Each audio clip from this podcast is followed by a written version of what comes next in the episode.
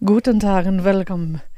Nej, vad säger man? Nej, det var ju Välkommen, bienvenue, welcome. Jag ska säga det när du eh, säger halloj till mig. Halloj! Mhm. Det kanske bara kan bli en musikal... eh, Musikalpodden. Musikalpodden. Hej och välkommen till Aftonbladet Musikalpodden. Podden som handlar om det som händer utanför Sveriges musikgränser.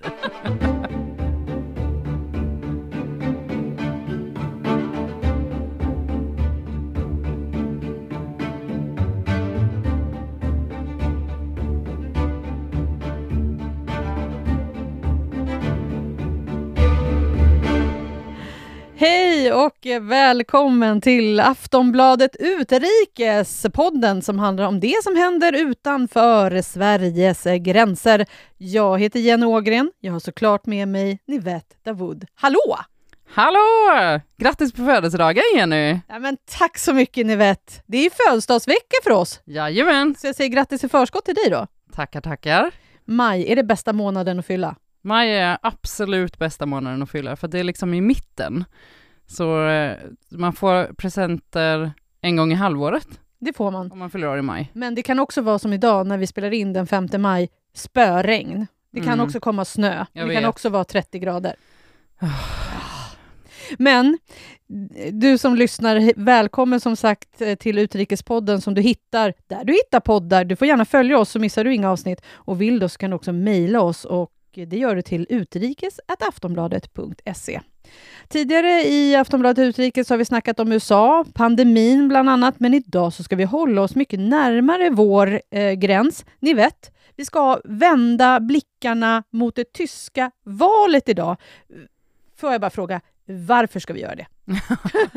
Ja, men det kan, man kan faktiskt fråga sig det, därför att i ärlighetens namn så är ju det tyska valet sällan någonting som vi skriver, ganska, alltså skriver något stora rubriker om. Vi skriver ju såklart om det när det sker, eh, men det är ju ett ganska liksom, lugnt och lite eh, förutsägbart val, har varit i alla fall. Men nu, alltså nu händer det grejer i Tyskland. För Angela Merkel, hon ska ju lämna jobbet som förbundskansler efter 16 år. Och det är liksom inte självklart att hennes eh, parti, Kristdemokraterna, CDU, att de eh, kommer att ta vidare stafettpinnen. Eh, så att därför är det liksom dags att vi pratar om det tyska valet. Okej, så ämnet för detta avsnitt är alltså Tyskland. Jag ska säga att det senaste jag hörde om Tyskland, eller ja, senaste, men det mest spännande jag hörde, det var att Oktoberfest ställs in även i år på grund av pandemin. Ja, och Det det är det det här avsnittet ska handla om. Nej, men det är lite deppigt ändå. Ja, det det. Eh, Men det är alltså val på gång, men inte förrän den 26 september är valet. Så då undrar jag varför, både jag och lyssnarna kanske undrar, ni vet, varför ska vi prata om det redan nu då? Ja, men så här. Red ut. Ja, men alltså det är för att det är spännande redan nu. Eh, och det är spännande av flera orsaker, därför att eh, dels så har det varit väldigt, väldigt stökigt kring vem som skulle bli Kristdemokraternas, alltså CDUs, kandidat till kanslerposten. Ehm, och det har ofta varit så att eh, det har blivit den som är partiledare för CDU, men den här gången så ville CDUs systerparti i Bayern, CSU, nominera en kandidat till kanslerposten och det är ju väldigt, väldigt ovanligt att en sån kandidat blir, eh, blir eh, förbundskansler. Mm. Eh, eh, så att eh, det här blev liksom en riktig fight mellan CDU-kandidaten Armin Laschet och CSU-kandidaten Marcus Söder. Och inte nog med det, allting som skedde läckte liksom ut och det var tjuvnyp och det var kampanjande och det här är man ganska ovan vid i Tyskland, för som jag sa, det har ju liksom varit ganska lugnt och lite tryggt liksom. Låter lite mer amerikanskt det där med Ja, tjuvnyp men och... eller hur? Eller kanske lite svenskt nu på senare tid. Men eh, Verkligen. Dessutom under den här tiden så, så kunde ett annat parti, alltså de gröna, i lugn och ro ta fram sin kandidat. Och, och det är också ovanligt för det här partiet har inte ens varit eh, så stora på riksnivå tidigare så att man har liksom tänkt tanken ens på en kanslerkandidat. Eh, för det gör ju oftast eh, de liksom större partierna bara. Men, men nu så har de gröna fått jättebra opinionssiffror och i sex av tio mätningar de senaste två veckorna så har man hamnat högre än CDU och alltså med råge gått om det andra största partiet tidigare, alltså Socialdemokraterna. Eh, så eh, det kommer ju mest troligtvis att bli en koalition som styr i Tyskland, men den, hur den kan se ut, det kan liksom verkligen kastas om och det börjar till och med viskas om att de gröna kan få kanslerposten. Alltså det här låter ju, och vad jag har förstått så är det ett supervalår. Mm. Och det här gillar man ju. ja, det gör man ju. Det gillar ju vi som jobbar på kvällstidning. Jajamän. Men eh, det är också faktiskt en anledning till varför det är spännande redan nu, för att Eh, man kallar det för ett supervalår eftersom det också sker eh, delstatsval i, eh, i, i, Tyskland så har man ju 16 delstater och så även eh, kommunalval. Eh, och två av de här delstatsvalen har redan skett, de skedde i mars eh, och det var då i Tysklands eh, sydvästra hörn. Eh, och det kommer också vara delstatsval i sommar och sen så eh, kommer ett antal delstater också gå till val på själva valdagen för alltså förbundsregeringen eh, och det är den 26 september som du sa. Eh, men det här då, alltså de här delstatsvalen, de ger ju en, eh, en fingervisning om hur liksom stödet för partierna ser ut. Och till exempel så kunde man se i de första delstatsvalen att det inte gick alls bra för CDU. De gjorde faktiskt sitt, alltså partiets sämsta val hittills. Ehm, och, och, desto bättre gick det för de gröna, eh, som jag tidigare nämnde, som, som det ju går också väldigt bra för nationellt. Ehm, och i till exempel en av de delstaterna som det var val i, där regerar de gröna. Ehm, de har regerat med CDU, de har regerat med, med Socialdemokraterna. Eh, så det gör ju delstatsvalen extra spännande. Det är verkligen så att eh, delstaterna är liksom väldigt viktiga i, i eh, Tyskland, så att eh, det som sker där påverkar ofta på nationell nivå sen. Ja, så Angela Merkel ska lämna sin post efter 16 år. Vi ska ta och snacka mer om henne och hennes verk som förbundskansler om, ett, om en liten stund. Men nu undrar jag då vilka som kandiderar för att liksom, ta över hennes roll. Ja, men eh, CDU då, de valde ju till slut eh, Armin Laschet. Och eh, honom kan man faktiskt beskriva som en eh, fortsättning på Angela Merkel, därför att han är liksom en eh, kompromissande man, det kommer inte komma några galna överraskningar. Eh, han är, ja men eh, enligt vissa faktiskt ganska tråkig. I alla fall om man jämför då med, med det som var hans tydligaste motkandidat, Bayerns Marcus Söder, som ju liksom har stuckit ut på ganska många sätt och, och kanske mest är igenkänd för eh, att han eh, har liksom klätt ut sig på maskerader till bland annat eh, Shrek och eh, Marilyn Monroe faktiskt. Men är det hans eftermäle nu? Att han är liksom rolig för att han Nej men inte bara såklart, men, men eh, när det skulle illustreras de här två så, så var det ju alltid så en ganska tråkig bild på Armin Laschet och eh, en eh, knasig maskeradbild på Marcus Söder. Mm, men Armin Laschet är ju ändå erfaren. Absolut. Han är en 60-årig jurist eh, trebarnspappa och så styr han också i Tysklands mest folkrika delstat, eh, Nordrhein-Westfalen. Eh, och där finns ju liksom storstäder som Düsseldorf och Köln och det är också där som Ruhrområdet ligger och det är ju liksom mycket industri och det är kolgruvor och eh, den som är regeringschef i den eh, delstaten måste liksom vara en person som är fokuserad på att kompromissa och precis så beskrivs Armin Laschet som, som en brobyggare kan man säga. Eh, den tyska tidningen Fokus eh, har skrivit att eh, med Laschet vet man inte vilka som är hans styrkor och vilka som är hans svagheter för att han saknar profil. Och det är just det som enligt partiets strateger gör honom kompatibel med alla miljöer. Mm, Okej. Okay. Du, vi ska ta och lyssna lite på hur han låter. Ich kann ihr zusagen, dass die CDU Deutschlands sich auf einen fairen Wahlkampf freut. Wir wissen aus den USA, was es bedeutet, polarisierte Wahlkämpfe zu führen. Ja, så där låter alltså Armin Laschet. Och nu är det så här, visserligen har jag läst tyska i tre år, men mina kunskaper sträcker sig inte riktigt, riktigt så att jag fattar allt han säger. Så vad säger han, ni vet? Han säger att han eh, hoppas att det eh, inte ska bli eh, en lika smutsig valkampanj som i till exempel eh, USA. Och det kan man ju verkligen se som en eh, peak mot Marcus Söder, eh, just eftersom det var så stökigt, ovanligt stökigt, eh, att, eh, att bestämma att Armin Laschet skulle bli CDUs kanslerkandidat. Och det är inte alls omöjligt att, att Marcus Söder kommer hålla sig i eh, ja, men, eh, i kulisserna men också kanske genomföra några till sådana här tjuvnyp, för det verkar liksom vara hans eh, grej lite, men, men det skadar ju egentligen faktiskt eh, CDU i, i sin helhet. Eh, och eh, det är väl det som Armin Laschet försöker säga att nu är det dags att vi enas. Liksom. Mm. Och vem är då på andra sidan på, hos de gröna?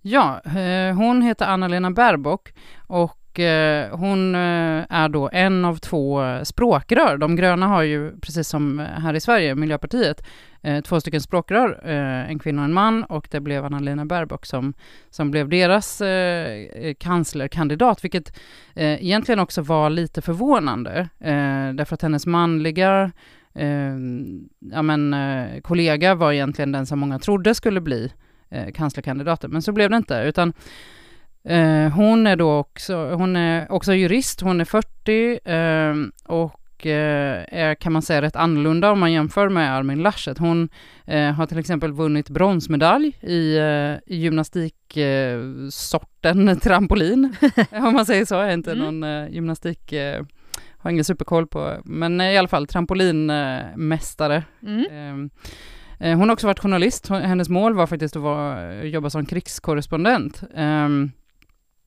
men det blev ju inte så sen. Eh, hon har pluggat då internationell eh, lagstiftning och även eh, jobbat som assistent i EU-parlamentet och målet där var ju också att egentligen ha med dig i journalistiken. Liksom. Men eh, som sagt, hon blev politiker istället. Men jag tycker att hon låter som hon har en ganska bred bakgrund. Ja, precis, men Eh, egentligen så, alltså hon har ju egentligen inte så mycket mer eh, eh, erfarenhet av att styra, inte som eh, Armin Laschet som har liksom suttit i EU-parlamentet och sådär. Eh, så att eh, hon eh, är ju snarare så att hon liksom presenterar sig som någonting som utmanar status quo, att hon liksom eh, är den här förändringskandidaten. Liksom. Mm, vi kan lyssna lite på hur, vad hon säger. Demokratie lebt vom Wechsel. Ja, ich war noch nie Kanzlerin, auch noch nie Ministerin. Ich trete an für Erneuerung. Für den Status quo stehen andere. Ich bin zutiefst davon überzeugt, dass dieses Land einen Neuanfang braucht, um gut durch dieses neue, herausfordernde Jahrzehnt zu kommen. Ja, ni vet, du behöver inte översätta direkt vad hon säger här, men vad är det Nej, hon men säger? det gick ju att fatta lite, mm. även för den som inte eh, liksom har MVG i tyska. eh, men hon säger ju där att hon har inte liksom jobbat som minister och hon har inte eh, gått hela den här eh, vanliga vägen.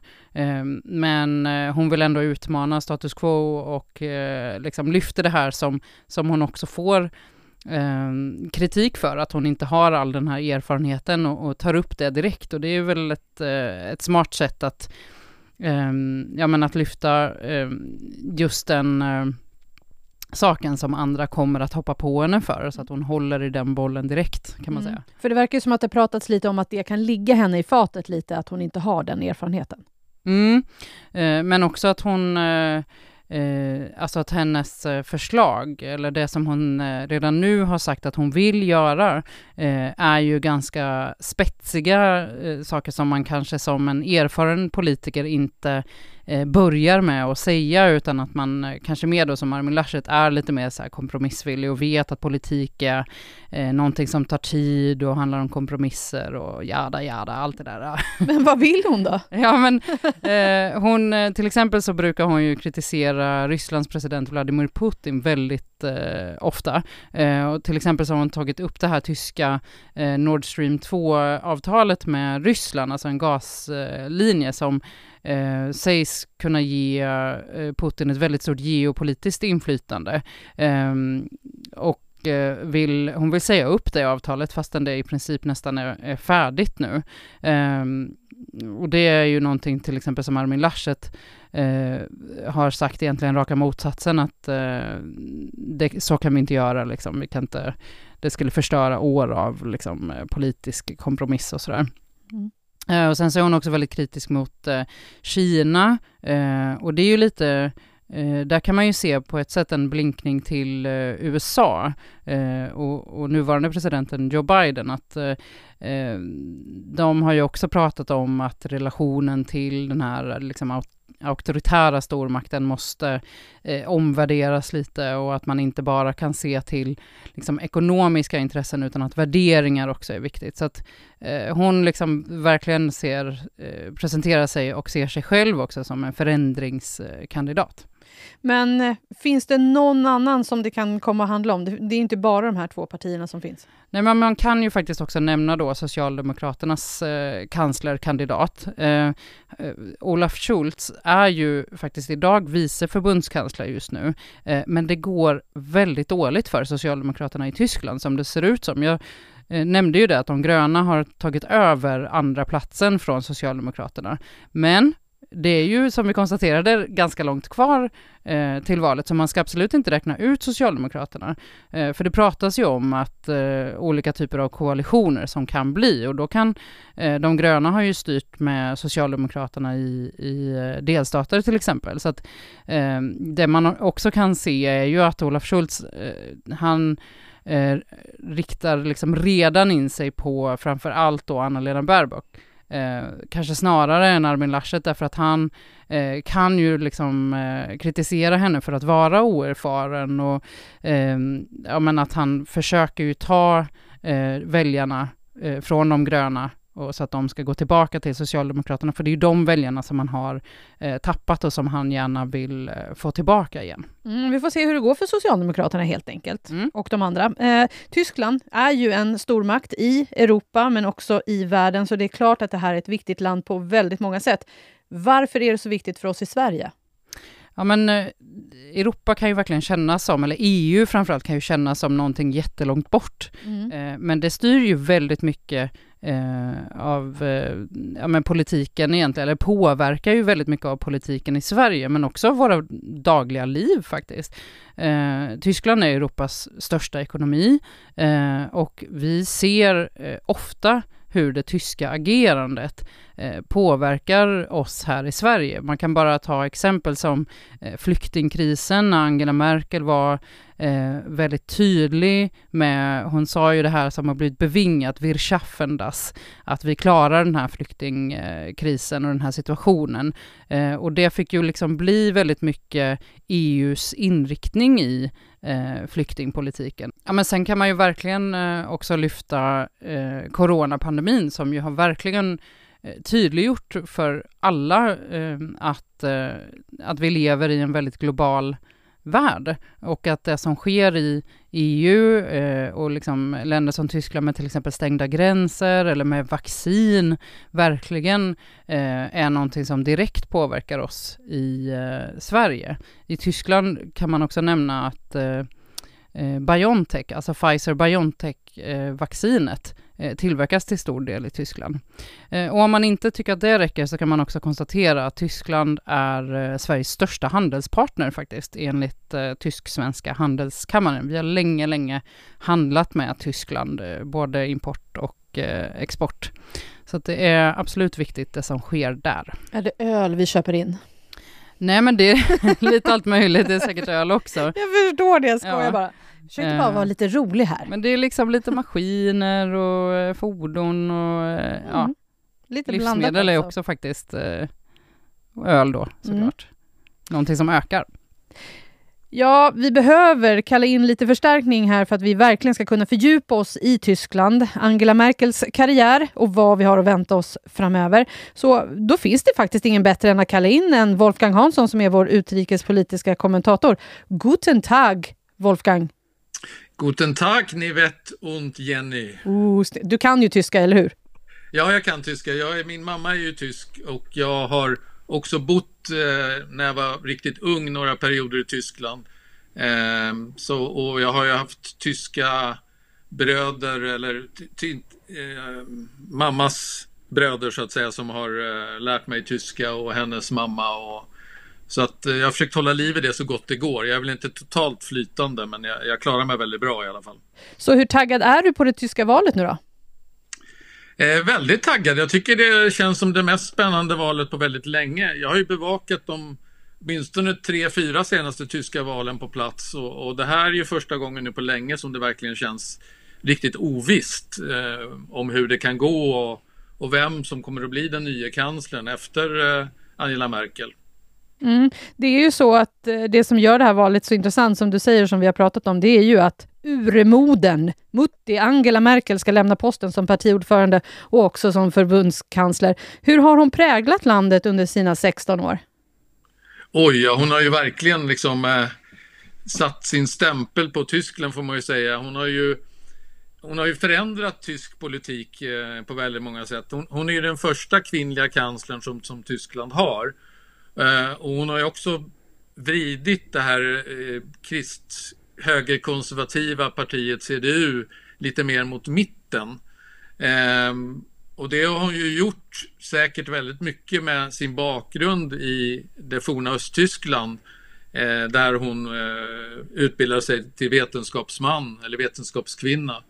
Ehm, så att hon, hon, är, har ju, hon representerar på, en, på något sätt både det, det gamla och det nya Tyskland.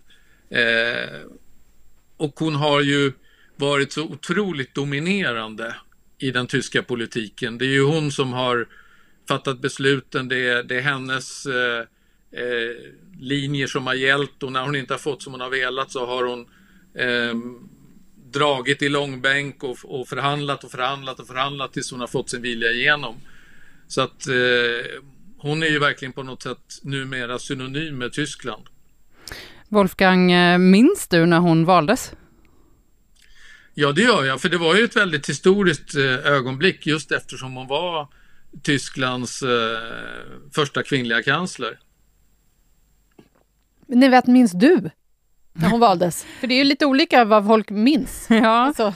Nej, jag minns faktiskt inte eh, specifikt det, men det är ju det här som är faktiskt ganska intressant, för när, när, eh, när liksom unga tyskar blir intervjuade, så är det väldigt ofta så att det är liksom ingen, alltså de minns inte något annat än att Merkel alltid har varit liksom Mutti, förbundskanslern. Eh, så jag får väl representera det då. Men jag kommer ändå ihåg Helmut Kohl. Han satt också vid makten i 16 år. Smörälskaren. Gillar han smör alltså? Ja, eller Wolfgang? Ja, ja det syntes ju på hans kroppshud om inte annat att han gillade mat med mycket smör och mycket fett i. Mm. Men Wolfgang, vad är det bästa som Merkel har gjort? Det, alltså det beror ju också på om man, om man pratar om, om för Tyskland eller i sin roll för Europa. Ja, alltså det, det, det man kommer ihåg mest tycker jag, det är ju hennes ledarroll under de här kriserna som följde på den stora finanskrisen eh, 2008-2009 och hur hon räddade eh, Europa ifrån att splittras mer eller mindre. Eh, hon räddade euron, såg till att den valutan fortfarande liksom fanns kvar. Hon hjälpte till att rädda Grekland, både ekonomin och rädda kvar landet i, i EU. Ehm, och sen har vi ju hennes insatser eh, under flyktingkrisen eh, 2015 eh, som ju sen i slutändan kanske inte visade sig vara eh, så bra för henne personligen. Liksom, att hon, hon höll den här öppna linjen lite för länge när alla andra redan ville stänga dörrarna. Men hon har ju fortfarande hon har ju fått lite av ett återuppsving här nu i samband med eh, coronapandemin där väldigt många tyskar har, har uppskattat hennes eh, vetenskapliga approach eh, när det gäller att ta sig an pandemin, åtminstone inledningsvis. Sen har ju kritiken blivit växt här på slutet när eh, smittan ändå har, har spridit sig i Tyskland trots alla hårda åtgärder man har vidtagit. Vad har hon gjort som har eh, varit dåligt då?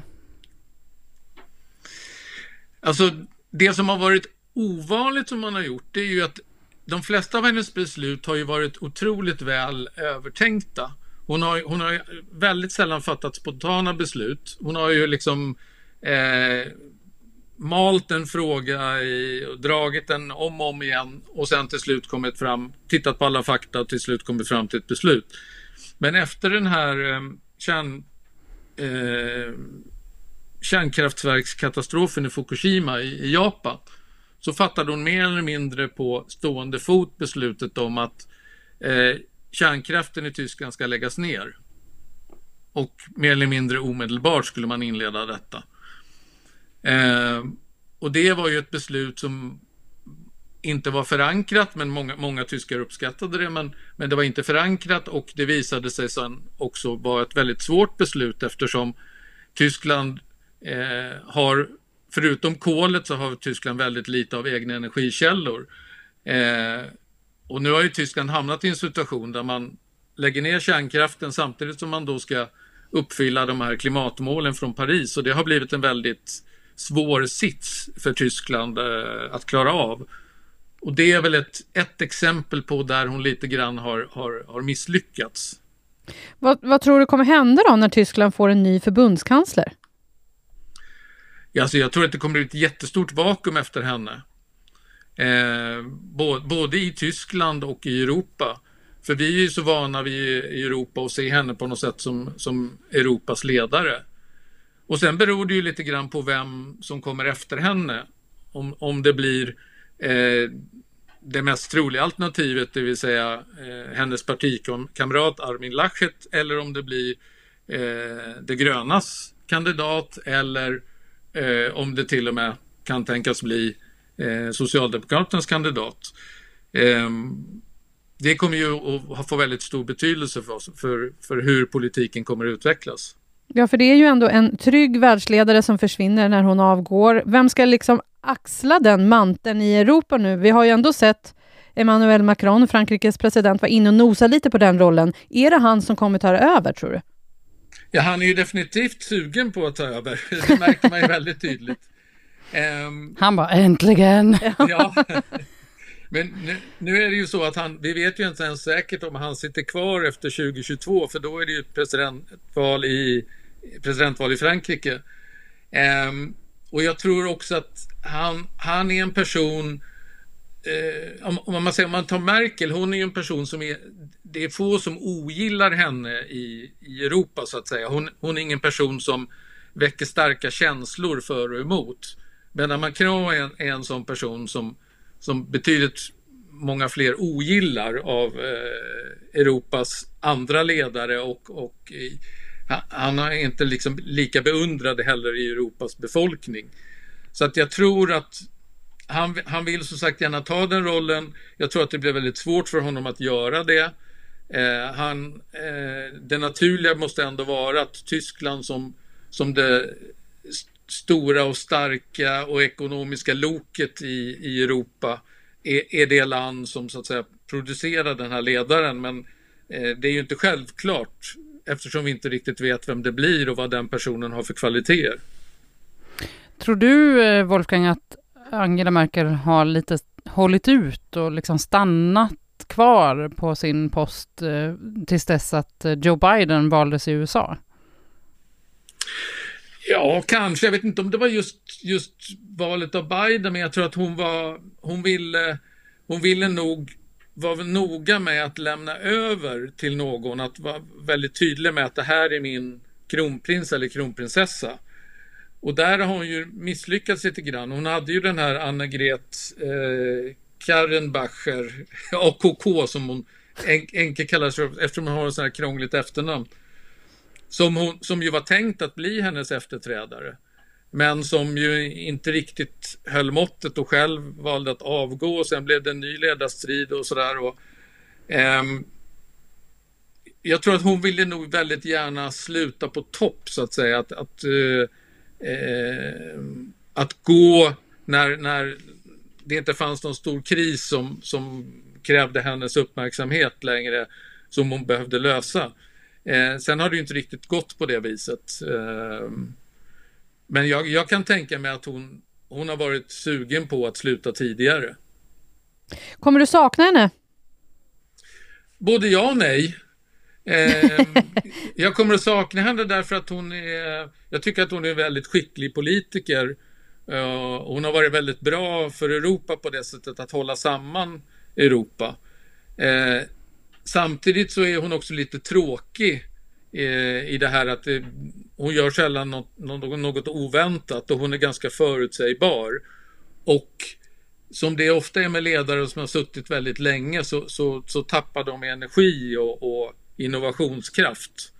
Så att jag tror att både Tyskland och Europa på, på vissa sätt skulle må bra av eh, att hon byts ut. Eh, sen återstår ju att se som sagt vem det blir och hur bra den personen är. Mm. Vad skulle du säga, eh, varför går det så dåligt för Kristdemokraterna, CDU i Tyskland nu? Ja, det tror jag delvis hänger samman med att eh, hon, hon har ju förändrat, Merkel har ju förändrat partiet ganska mycket och, och drivit det åt vänster, eller mot mitten kanske man ska säga. Medan det väldigt många tyskar är ju mer traditionellt eh, konservativa. Eh, och efter flyktingkrisen 2015 så blev det en väldigt backlash mot Merkel. Eh, och den har partiet haft svårt att hämta sig ifrån. Eh, och istället såg vi då hur det här eh, högerextrema partiet Alternativ för Tyskland, AFD, eh, plockade upp många av de väljarna som, som normalt var eh, CDU-väljare. Um, och CDU har inte riktigt lyckats eh, ta tillbaka det här. Och sen har man ju nu då ganska nyligen haft liksom ett antal skandaler som det, med det här med att ledande eh, CDU-politiker har eh, varit inblandade och försökt tjäna pengar på det här med att sälja munskydd. Eh, man, man, har liksom den här pandemihanteringen har som till en början såg ut att gå väldigt bra ha, har eh, blivit väldigt splittrande när olika delstater har agerat Eh, på olika sätt. Och, eh, det har blivit ganska rörigt i Tyskland när det gäller eh, vilka åtgärder man egentligen ska använda mot pandemin. Lite grann, nu är inte Tyskland som USA på det sättet, men lite grann som USA där man inte riktigt vet eh, vilka regler det är som gäller. Så att jag tror det finns, det finns många faktorer som har bidragit till att de har, de har tappat i stöd, men de är ju fortfarande ett väldigt starkt parti, det ska man ju komma ihåg. Så om vi jämför då, varför går det så bra för de gröna nu? Ja, de har ju haft den här rollen som oppositionsparti väldigt länge. De har ju liksom stått utanför de här politiska bråken och eh, Tyskland har ju styrts väldigt länge nu av eh, en koalition mellan Socialdemokraterna och, och CDU, Merkels parti. Och det, det har ju blivit, då har ju i praktiken har det ju inte funnits någon, någon, någon riktig eh, bärkraftig opposition bortsett ifrån eh, de gröna.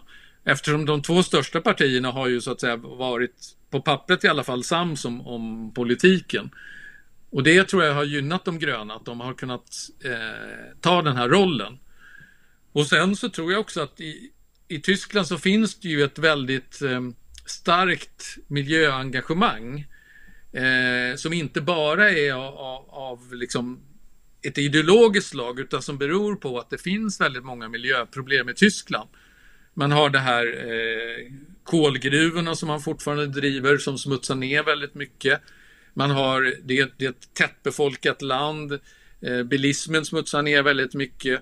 Eh, och människor är, all, är, riktigt, är på riktigt oroliga för sin hälsa på grund av all miljöförstöring som, som pågår. Och det gynnar ju också ett parti som de gröna. Man kan ju också eh, bara lägga till där att eh, alltså svenska Greta Thunbergs rörelse Fridays for Future har ju också eh, hjälpt till ganska mycket i Tyskland att få upp den här frågan, alltså miljöfrågan på eh, agendan. Det gick ju att se också i det senaste delstatsvalet som ju ändå var i eh, i ett område där det finns mycket industrier. Där var det också, det var inte bara unga då som röstade på de gröna, utan faktum var att eh, ju äldre man var, desto större eh, var stödet för de gröna i eh, Baden-Württemberg bland annat. Mm. Det, ja, och det är ju så här att de gröna har varit vid makten eh, tidigare, de, har varit, de är starka i Tyskland. Eh, om, är det så, för att jag menar, om vi jämför med Sverige, där vi också har ett miljöparti som är ganska svaga faktiskt. Liksom. Är det för att är man bättre i Tyskland på att föra sin gröna politik än vad vi, vad vi är i Sverige, Wolfgang? Ja, delvis så tror jag att man är det. Men sen är det ju också det här som ni vet sa att eh, du tog ju eh, Greta Thunberg som exempel och, och hon eh, hon har ju, eh, jag menar nu är hon väl stor i Sverige också, men i början så var det ju inte många som lyssnade på henne här i Sverige. Men i Tyskland så blev hon ju snabbt väldigt stor. Eh, och jag tror att eh, det finns ett annat, en annan typ av miljöengagemang i Tyskland än, än vad det finns i Sverige. Och sen är det ju också det här att Miljöpartiet i Sverige har ju varit en del av regeringsmakten nu eh, ganska länge. Och eh, vi ser ju i Tyskland hur det går för partier som, som sitter i regeringen med ett annat starkt parti som så att säga spelar andra fiolen. Som sossarna gör i, i Tyskland. De har ju tappat jättemycket på det. Precis som Miljöpartiet har tappat jättemycket i Sverige på att sitta i, i Löfvens regering. Så att där tror jag också det finns en väldigt stor förklaring. Jag tror Miljöpartiet i Sverige hade varit betydligt större än vad man är nu om man inte hade suttit i regeringsställning. Sen är det så, vi brukar ju också se att samma typ av vindar blåser genom Europa. Just nu så går det må i många länders högerpartier går väldigt bra, inte minst Sverigedemokraterna här i Sverige. Men det ser inte riktigt ut så i Tyskland. Har det med deras historia att göra? Ja, länge så, så sa man ju det, liksom att det, det, finns inget utrymme i Sverige, eller förlåt, det finns inget utrymme i Tyskland för ett eh, högernationalistiskt, högerextremt eh, parti på grund av eh, det som hände under andra världskriget och nazisternas framfart. Eh, men så kom ju det här Alternativ för Tyskland, eh, AFD, och de var ju från början ett eh, EU-skeptiskt parti, eh, men som sen efter flyktingkrisen förvandlades till ett mer traditionellt högerextremt och invandrarfientligt parti. Och sen har vi ju sett väldigt starka strömningar i Tyskland mot muslimer, mot islam, eh, för eh, en mycket starkare nationalistisk högerpolitik. Och AFD har ju varit väldigt starka. De kom ju in i eh, förbundsdagen vid, vid förra valet för första gången. Och eh, det, det, det, som har gjort att de har tappat nu eh, det senaste året eh, eller två åren, det är ju dels för att under pandemin så har man då sökt sig till trygga partier som, som CDU och Socialdemokraterna och, och kanske även de gröna. Eh, men sen har det också varit en väldigt intern splittring inom AFD. Det är olika grenar av partiet där några har varit mer extrema än, än, än andra som har velat föra en mer eh, traditionell högerkonservativ politik. Och det har ju också gjort att det här eh, partiet har, har, lite grann splittrats och, och tappat mycket stöd. Eh, men man ska, nog, man ska nog inte inbilla sig att det inte finns den här typen av högerextrema vindar i Tyskland som, som vi ser i Sverige och runt om i hela Europa, för, för det gör det. Vad tror du då är den mest sannolika koalitionen efter valet? Ja, alltså som, som opinionsmätningarna ser ut nu så, så tror jag ju att det blir eh, CDU och de gröna som eh, kommer att bilda regering. Och då blir det ju, om, då förmodar jag att CDU kommer att vara det största partiet och då blir det ju Armin Laschet som blir den nya förbundskanslern.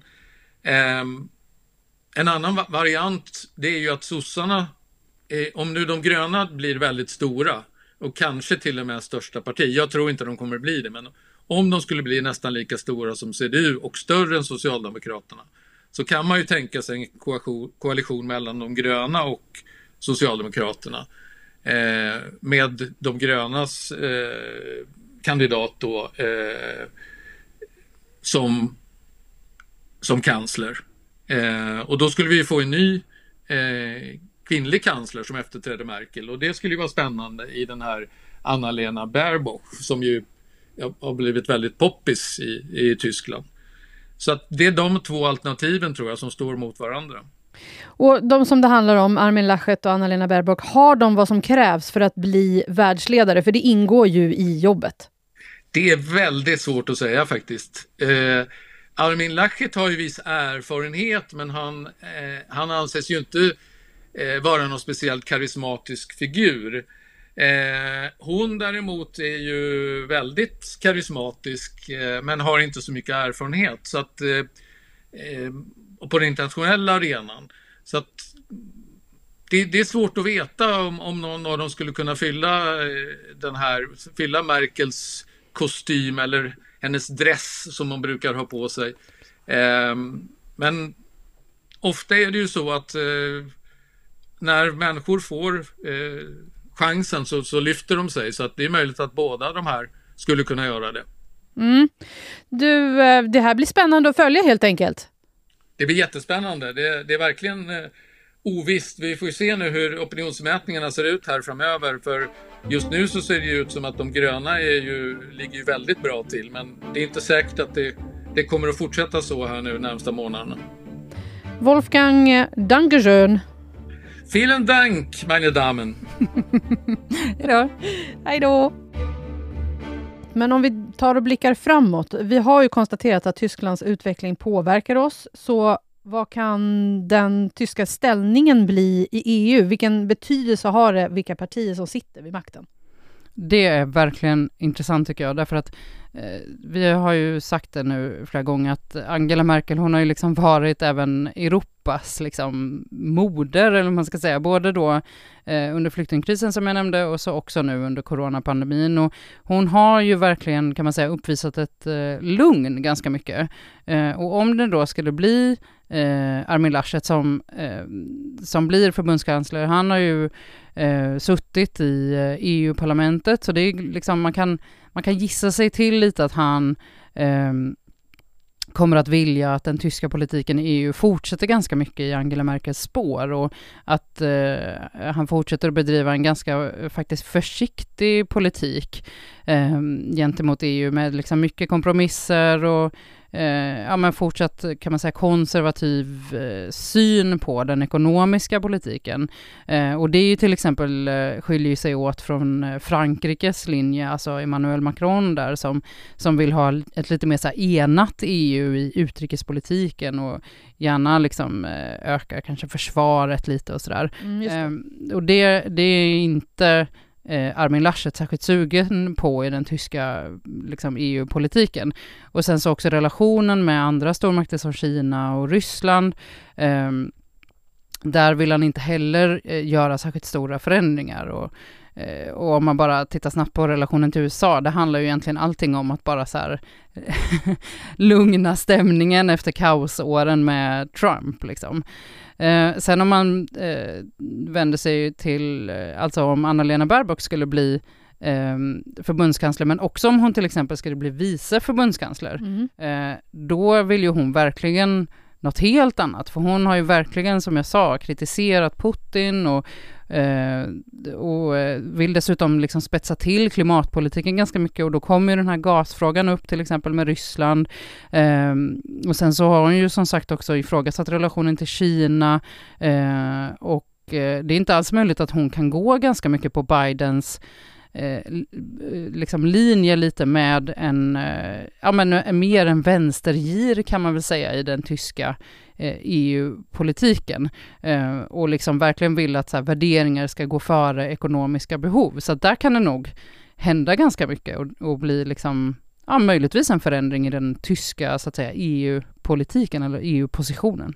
Tror du att vi kommer få se liksom, att eh, hon utmanar eh, Armin Laschet i trampolin? under valrörelsen. Ja, men alltså kanske inte just i, i den faktiska idrotten, trampolin. Men eh, däremot så, alltså hon, hon lyfter ju gärna det också, att hon ja, men verkligen så här, är en, eh, en politiker som vågar och liksom någon som eh, inte gör det vanliga trygga utan faktiskt eh, ja, vågar sig på att eh, till exempel då hoppa trampolin. Eller vad man nu gör när man... Det är som att hoppa studsmatta. Det är det va? Jajamän. Ja. ja jag är ju en, en fegis, så att jag skulle ju aldrig... Oj, du får komma hem till min studsmatta.